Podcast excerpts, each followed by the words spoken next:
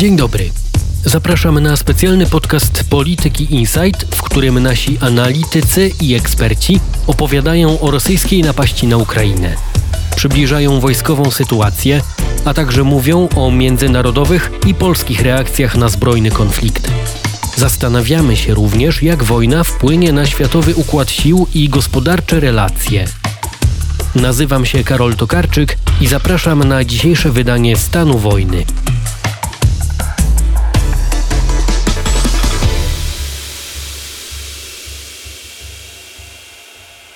Władimir Putin ogłosił częściową mobilizację. Ma ona objąć przede wszystkim osoby w rezerwie, które odbyły już służbę wojskową.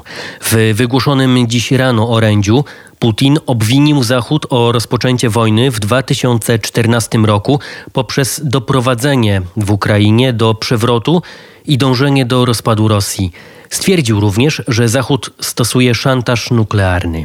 Zapraszam na rozmowę z szefem działu bezpieczeństwa i spraw międzynarodowych, Markiem Świerczyńskim, który spróbuje wyjaśnić tę całą sytuację. Zacznijmy może od uporządkowania e, faktów i wydarzeń, tych e, wczorajszych i tych dzisiejszych, gdybyśmy mogli od tego zacząć, Marku. Rzeczywiście sytuacja rozwijała się ze zmienną dynamiką od wczorajszego popołudnia, można powiedzieć, czyli no wieczoru, wziąwszy pod uwagę różnicę czasu w Moskwie. No bo zaczęły pojawiać się najpierw nieoficjalne, a potem no, takie półoficjalne, można powiedzieć, zapowiedzi, y, pogłoski, przesłuchy, że Putin ma wystąpić y, z y, ważnym, oficjalnym przemówieniem. Miało to nastąpić o ósmej wieczorem czasu moskiewskiego. Miał wystąpić w telewizji, potem pojawiały się informacje, że y, oprócz niego samego w tym y, wystąpieniu, czy też w tej konferencji, w tym oświadczeniu weźmie udział minister obrony Sergiej Szojgu, a więc sprawa jakby nabierała takich wojennych y, bardzo rumieńców, no i sporej wagi, no bo od dłuższego czasu w Rosji z coraz większym prawdopodobieństwem mówiono o tym, że jednak Putin się przełamie posłucha tej frakcji wojennej, a może po prostu wojskowych i zarządzi częściową albo całkowitą mobilizację. Musimy się cofnąć do no jakby samego początku wojny Rosji z Ukrainą, tej bezprawnej e, agresji, którą Rosja zaczęła no, z takim kłopotem wojskowym. E, od samego początku zwracano uwagę bowiem na to, że Rosja zaczęła tę wojnę z niedoborem żołnierzy. To znaczy liczebna proporcja sił wyznaczonych do tej, jak to nazywa Kreml, operacji specjalnej w stosunku do liczby żołnierzy ukraińskich była odwrotna niż powinna być, gdybyśmy mówili y, w takich czysto wojskowych kategoriach o prowadzeniu operacji ofensywnej. Innymi słowy, Ukraińcy mieli przewagę liczebną. Czy ona się wprost przekładała na zdolności obronne? No to na początku oczywiście co do tego były ogromne wątpliwości i raczej podejrzewano, że to Rosja ma przewagę mimo, mimo mniejszej liczby żołnierzy rzuconych do tego ataku. No ale z czasem zaczęliśmy się przekonywać, że rzeczywiście jakby nie tylko zawiodła rosyjska technika, nie tylko zawiodło rosyjskie dowodzenie, nie tylko ros rosyjska łączność była nie taka jak powinna, no ale również po prostu Rosji brakowało żołnierzy. I to stało się jasne dosłownie po kilku tygodniach tej operacji, która zaczęta została takim niezwykle szerokim manewrem polegającym na ataku, jak sobie dobrze to przypominamy, w lutym z wielu kierunków naraz, y, nieraz na, na dość głębokie rubieże. No i również ten niedobór żołnierzy walczących przełożył się na te ponoszone przez Rosję klęski na polu walki. Można powiedzieć, że również w dużym stopniu zaważył nad tym, że Ukraińcy byli w stanie Rosję odeprzeć i spod Kijowa, no i w tej chwili wyrzucić ją z, z obwodu charkowskiego. To wszystko stało się również dzięki temu, że po stronie rosyjskiej był niedobór, czy też ten, ten, ta równowaga sił była zaburzona na niekorzyść Rosji. No i teraz szybko przewijając znowu do dnia dzisiejszego czy też wczorajszego, Widzieliśmy te niesamowicie szybkie postępy tak zwanej ofensywy charkowskiej y, na początku y, września. Rosjanie ponieśli y, na polu walki w tamtym regionie sromotną klęskę, zostali zmuszeni do wycofania. No i można powiedzieć, że decydenci polityczni, w tym sam Putin, znaleźli się w takiej sytuacji, że nie bardzo mieli inne wyjście, jak tylko rozwiązać ten wiszący od samego początku problem z zasobami ludzkimi, a widać było, że te próby takiej półmobilizacji, takiej quasi-mobilizacji, takiego sięgania po coraz głębsze, coraz głębiej sięgania po zasoby ludzkie poprzez oferowanie y, ogromnych pieniędzy, poprzez takie y, trochę przymuszanie do podpisywania kontraktów w celu utrzymania tego pozoru, że, że, że ta służba jest nadal y, ochotnicza. Różnego rodzaju wybiegi, różnego rodzaju sposoby pozyskiwania czy to więźniów, czy to funkcjonariusze innych służb mundurowych. Z całego ogromnego przecież terytorium e, Rosji, też nie przynosiło to wszystko takiego zamierzonego efektu, znaczy jakość tego wojska była znacząco niższa niż jakość armii ukraińskiej. Motywacja była bliska zeru, oprócz tej motywacji finansowej. No a wiadomo, że jeżeli ktoś wstępuje do wojska tylko i wyłącznie po to, żeby zarobić w krótkim czasie duże pieniądze, no to nie, nie, nie będzie, że tak powiem, nadkładał wysiłku i nie będzie, nie ma w ogóle zamiaru walczyć do ostatniej kropli krwi, prawda? Bo zamierza z tych pieniędzy zarobionych na froncie korzystać. No więc sytuacja była y, jakby wielokrotnie skomplikowana po stronie rosyjskiej.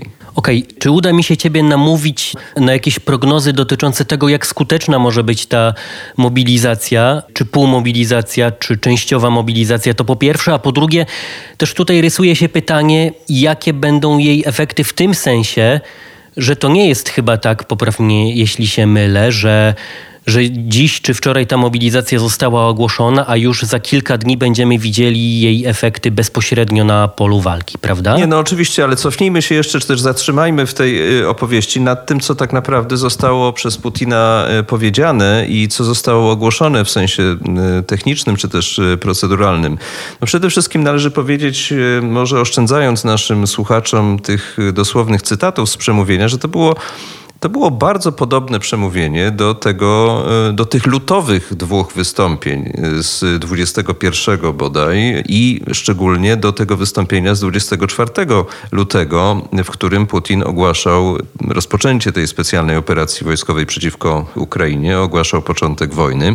Również to wystąpienie dzisiejsze, poranne miało podobny anturaż, takiego no, dość ponurego pokoju wyposażonego w jakieś dość prymitywne też środki y, łączności i w sumie zawierało podobne elementy y, takie narracyjno-propagandowe, tak? bo Putin znowu mówił bardzo dużo o nazistowskim reżimie y, w Kijowie, mówił również bardzo dużo o uciemiężonych rzekomo mieszkańcach Ługańskiej i Donieckiej Republiki Ludowej. Mówił o tym, że cele operacji specjalnej pozostają niezmienione i będą one realizowane. No a znaczną część swojego wystąpienia, podobnie jak tamtego lutowego, poświęcił roli Zachodu, no tym razem już opisując ją jak, opisując Zachód jako wroga, który walczy po stronie Ukrainy, a także zmierza do zniszczenia e, Rosji. No i wobec jakby tej sytuacji e, na sam e, niemal koniec swojego przemówienia Putin stwierdził, że no, niezbędna jest częściowa mobilizacja, która y, potem zostało to doprecyzowane przez ministra obrony Szojgu, y, objąć ma 300 tysięcy żołnierzy. No i teraz musimy się przez chwilę nad tą liczbą zastanowić, bo można powiedzieć tak, że nawet jeśli Rosji udałoby się ściągnąć, że tak powiem, z zasobów dostępnych, a wiemy, że w ostatnich tygodniach miało miejsce coś na kształt odświeżania bazy danych. Tak? Były sygnały, że pojawiają się czy to policjanci, czy to funkcjonariusze innych służb, sprawdzają miejsca zamieszkania mężczyzn e, zdolnych do służby wojskowej. E, no, w każdym razie, gdyby nawet e, ta, ta liczba została spełniona, to nadal ten bilans sił, liczby żołnierzy po stronie ukraińskiej i po stronie rosyjskiej no, wyjdzie na niekorzyść Rosji, ponieważ no, Rosja rzuciła do tej operacji w lutym około 180-190 tysięcy żołnierzy. Poniosła straty według Ukraińców przekraczające już 50 tysięcy. Siergiej Szojgu zapewniał, że, że liczba zabitych nie przekracza 6 tysięcy, w co oczywiście mało kto wierzy. No i nawet dodawszy, oczywiście te, te jednostki, które uczestniczyły przez ponad pół roku już w tej chwili w walce, w walce są, są ogromnie wycieńczone, zdegradowane, rozproszone. Kilka z nich po prostu przestało istnieć wskutek e, działań e, ukraińskich. No więc należy sobie zadać pytanie, czy, czy to nie jest jakiś półśrodek e, militarny po stronie Rosji, no bo on, bo on nie zapewni równowagi z liczącą no już około pół, pół miliona, a według Ukraińców, według, według urzędników Kijowa nawet 700 tysięcy armią y, ukraińską. Ja tylko przypomnę, że Ukraińcy jeszcze parę miesięcy temu mówili o celu, czy też konieczności, czy też potrzebie powołania pod broń miliona ludzi. To oczywiście również można kwestionować realność tego typu planów, no ale widać, że nawet e, porównując to, co w tej chwili obie strony mają dostępne, dodanie 300 tysięcy Rosjan też nie zmieni tego bilansu sił w ten sposób, który by dał Rosji szansę na radykalną zmianę, poprawę na swoją korzyść sytuacji na polu walki. No i jest oczywiście kwestia kolejna, to znaczy od tej zapowiedzi, bo w tej chwili mamy do czynienia po prostu z takim komunikatem natury politycznej i kto wie w sumie, czy bardziej nieskierowanym do y, Zachodu niż do y, samych y, Rosjan. Rosjanie pewnie spodziewali się, że ten moment kiedyś nastąpi, no bo też jakby sytuacja na, na, na polu walki w Ukrainie była dosyć oczywista. I no, przedsiębrali rozmaite środki, które, które by ich miały uchronić przed powołaniem czy też wcieleniem przymusowym do wojska. Część e, z Rosji po prostu wyjechała.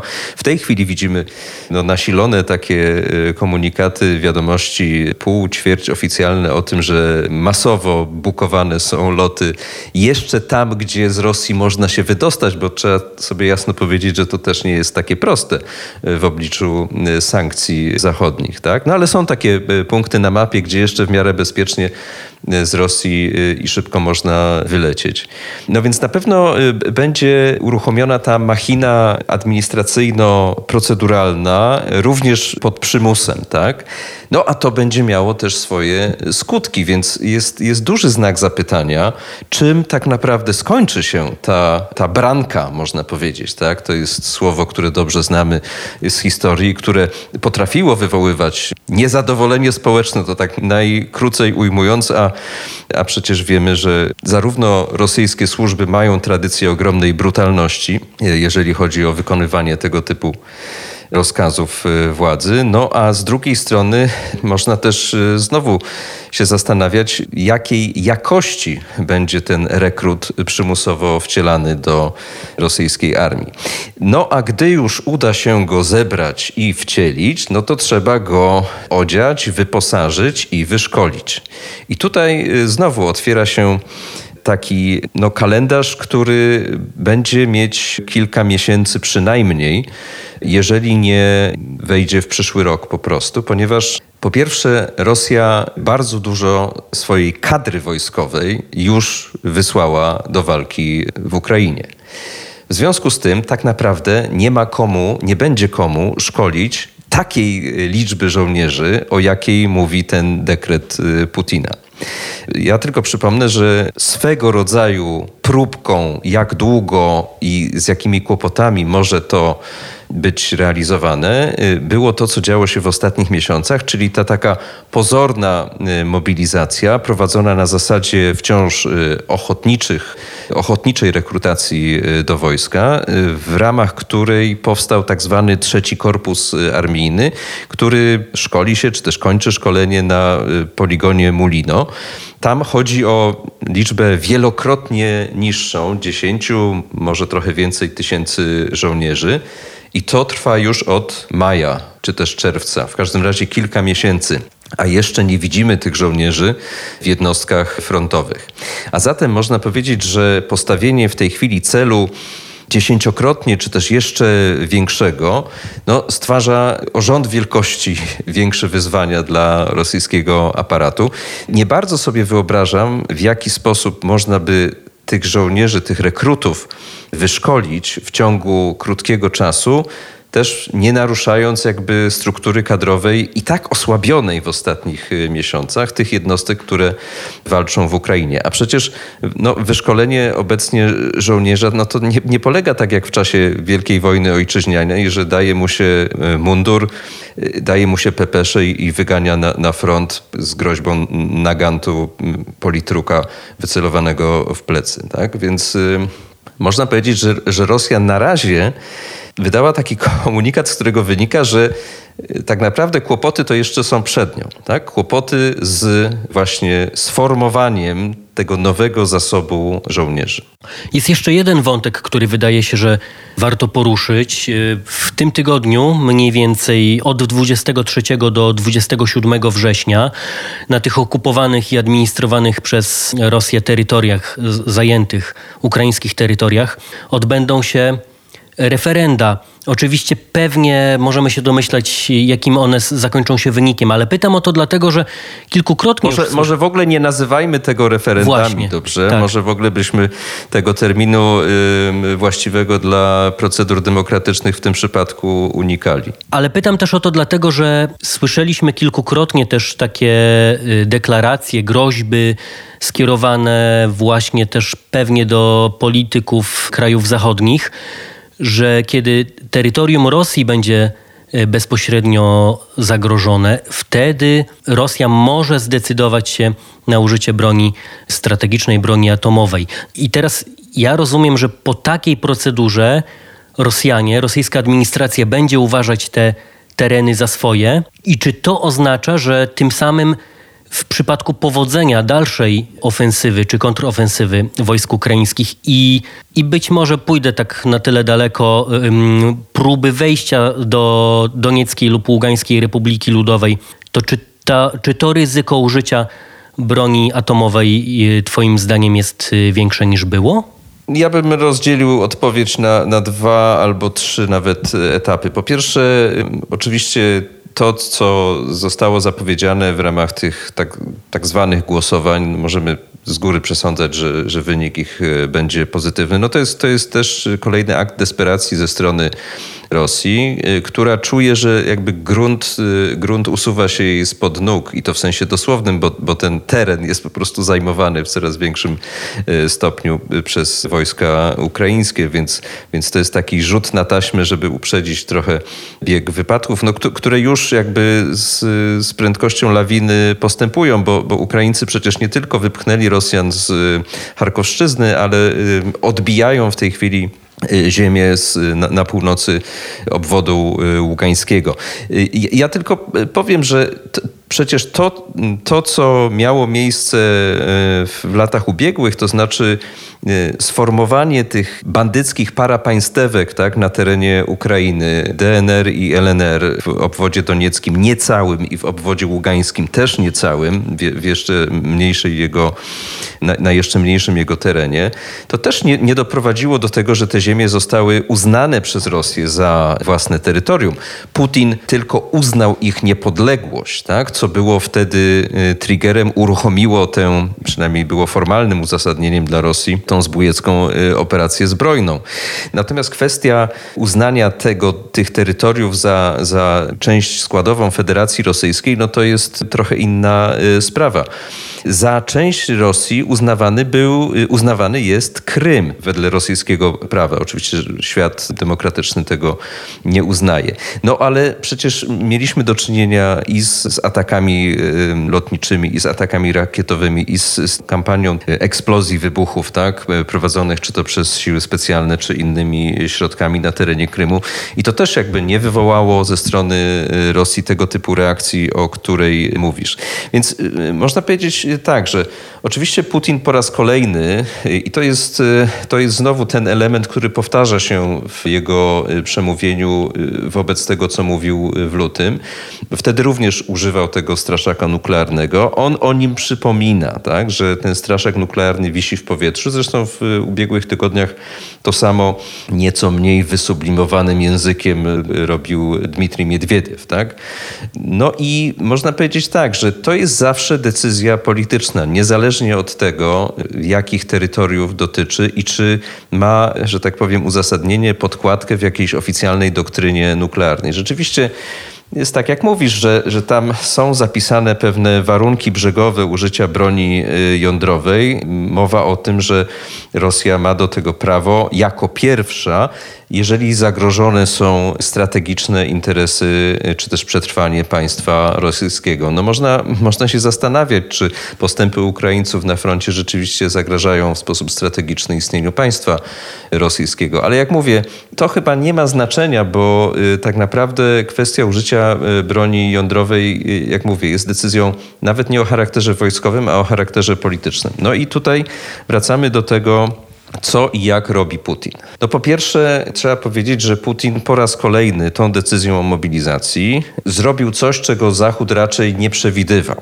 No bo po raz pierwszy zrobił to oczywiście w lutym, kiedy Zachód raczej sceptycznie podchodził do wizji wywołania przez niego wojny taka wizja była, była rozważana, tak? I źródła wywiadowcze mówiły o tym, że przygotowania są tego rodzaju, że ta wojna może zostać wywołana i że Putin ma wszelkie po temu narzędzia. Ostateczna decyzja oczywiście należała do niego i taką decyzję podjął. Znowu po kilku miesiącach kiedy wszystkim znany był już w tej chwili i, i, dobrze opisany ten problem z personelem wojskowym, tak, z zasobami kadrowymi y, wojska, no również y, nie spodziewano się, że Putin ogłosi tę mobilizację, ano dlatego, że to miałoby wywołać w Rosji y, protesty, a protestów Putin nie lubi. No ale z drugiej strony można spojrzeć na to w ten sposób. Czy, czy w ogóle ta wojna wywołała w Rosji jakiś szerszy akt oporu społecznego? Nie. Czy uruchomiła na nowo rosyjską opozycję? No nie bardzo.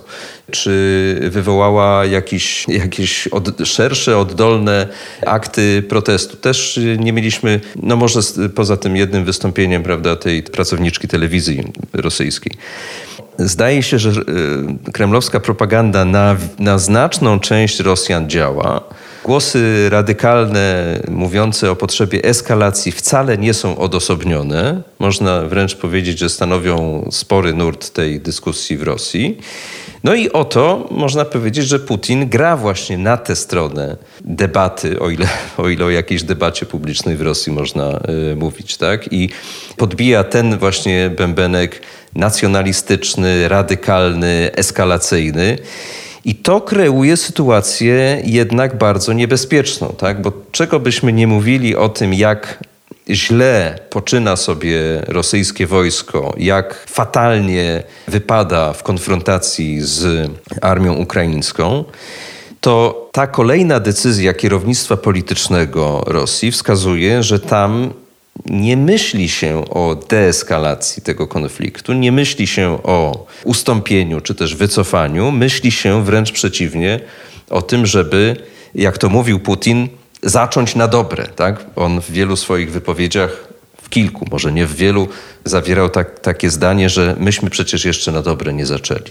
No więc jeżeli ta mobilizacja, o ile ona się w ogóle uda, i, i, i to, to, jest, to jest, jak przed chwilą mówiłem, trochę osobna kwestia, ale ona niestety jest symptomem tego, że Putin będzie dążył do do dokończenia tej wojny na warunkach rosyjskich, znaczy przy spełnieniu tych początkowych, wydaje się nierealnych do spełnienia celów za wszelką cenę. A jeżeli tak, no to niestety ten scenariusz nuklearny jakkolwiek on jest, on jest niewyobrażalny w tym sensie, że no, broń jądrowa została użyta tylko y, dwukrotnie i w, w, czasie jednej operacji ponad 70 lat temu i już nigdy później. Więc y, świat po prostu nie jest w stanie sobie tego, tego wyobrazić, to znaczy tej zmiany, tego przejścia tego progu do ponownego użycia broni jądrowej na polu walki. Ale być może będziemy musieli sobie zacząć to wyobrażać, jeżeli innymi metodami Putina nie będziemy w stanie powstrzymać przed realizacją takiego scenariusza. To na koniec jeszcze króciutko. Powiedziałeś, że to przemówienie Władimira Putina być może było też skierowane nawet bardziej na zewnątrz niż do samych Rosjan. Czy w związku z tym są i obserwujemy już jakieś pierwsze reakcje społeczności międzynarodowej?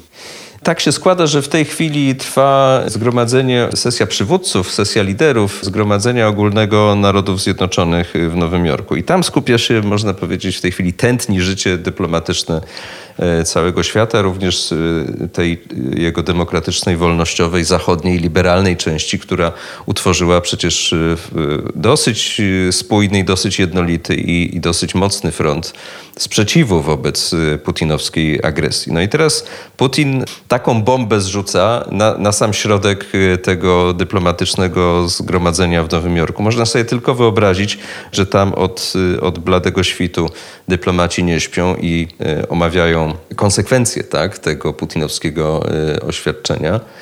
Na, na razie żadnych mocniejszych wypowiedzi, popraw mnie jeżeli się mylę, to, to nie widać, ponieważ chyba wszyscy czekają na to, co powie no przede wszystkim prezydent Stanów Zjednoczonych Joe Biden, który ma wystąpić za kilka godzin na forum ONZ-u w tej debacie, debacie przywódców, w której na przykład wczoraj występował też prezydent Andrzej y, Duda. No i sądzę, że to będzie, to będzie okazja tak naprawdę, żeby ten, ten zbiorowy Zachód, którego do pewnego stopnia wyrazicielem, czy też pewnego rodzaju rzecznikiem jest, jest Biden, opowiedział, co, co o tym myśli, w jaki sposób reaguje. Oczywiście mamy, mamy też pierwsze reakcje, czy też wystąpienia innych liderów, no na przykład, na przykład prezydent Finlandii, Sauli Niinisto. To jest ciekawa postać, bo to jest człowiek, który regularnie utrzymywał kontakty z Putinem, dzwonił do niego, rozmawiał, a jednocześnie starał się bardzo aktywnie wprowadzić Finlandię do NATO i to się, to się za chwilę e, powiedzie. Prezydent Niinisto nazwał to mianem pokerowej zagrywki i nadchodzącej e, katastrofy. Zresztą tak naprawdę właśnie w porównaniu do tych e, reakcji, czy też do, do tej skali przerażenia, można powiedzieć, Zachodu samą wojną w lutym, tak? kiedy naprawdę wstrzymano oddech i obawiano się najgor najgorszego, to wydaje mi się, że po tych wielu miesiącach już nie ma mowy, że Zachód boi się kolejnych oświadczeń Putina, na przykład od właśnie tej broni atomowej. No, wprost wyraził to premier Holandii, Mark Rutte, tak, który no, po prostu powiedział, że nie robi to na nikim już w tej chwili żadnego y, wrażenia ani też nie robi wrażenia zapowiedź powiększenia rosyjskiej armii o tych przymusowych rekrutów, no bo przecież każdy dokładnie widzi na polu walki, że nie sprawdzają się nie tylko zawodowi żołnierze, kontraktowi żołnierze, ochotnicy werbowani w odległych rejonach Rosji, no a przecież w takim razie tym bardziej nie będą sprawdzali się na polu walki rekruci brani pod y, przymusem, pod groźbą kary, bądź też kary śmierci nawet, prawda? Bo do, do rosyjskiego kodeksu karnego bardzo restrykcyjne kary za unikanie służby wojskowej bądź też dezercję zostały chwilę temu przez Dumę wprowadzone. No więc można powiedzieć, że, że Zachód reaguje dużo spokojniej, z dużo większym dystansem, świadomy tego, że ma przewagę właśnie jedności, ma przewagę siły, udowodnił skuteczność w pomocy Ukrainie i do pewnego stopnia patrzy, co się dalej wydarzy. Również właśnie patrzy, co się wydarzy wewnątrz Rosji, bo tak jak przed chwilą opowiedzieliśmy, ten proces tej mobilizacji, zanim on przyniesie jakieś konkretne efekty na froncie, on po pierwsze potrwa i może wywołać w Rosji niemałe turbulencje. Tu stawiamy kropkę. Marek Świerczyński, szef działu bezpieczeństwa i spraw międzynarodowych, był naszym gościem. Dziękuję bardzo. Dziękuję.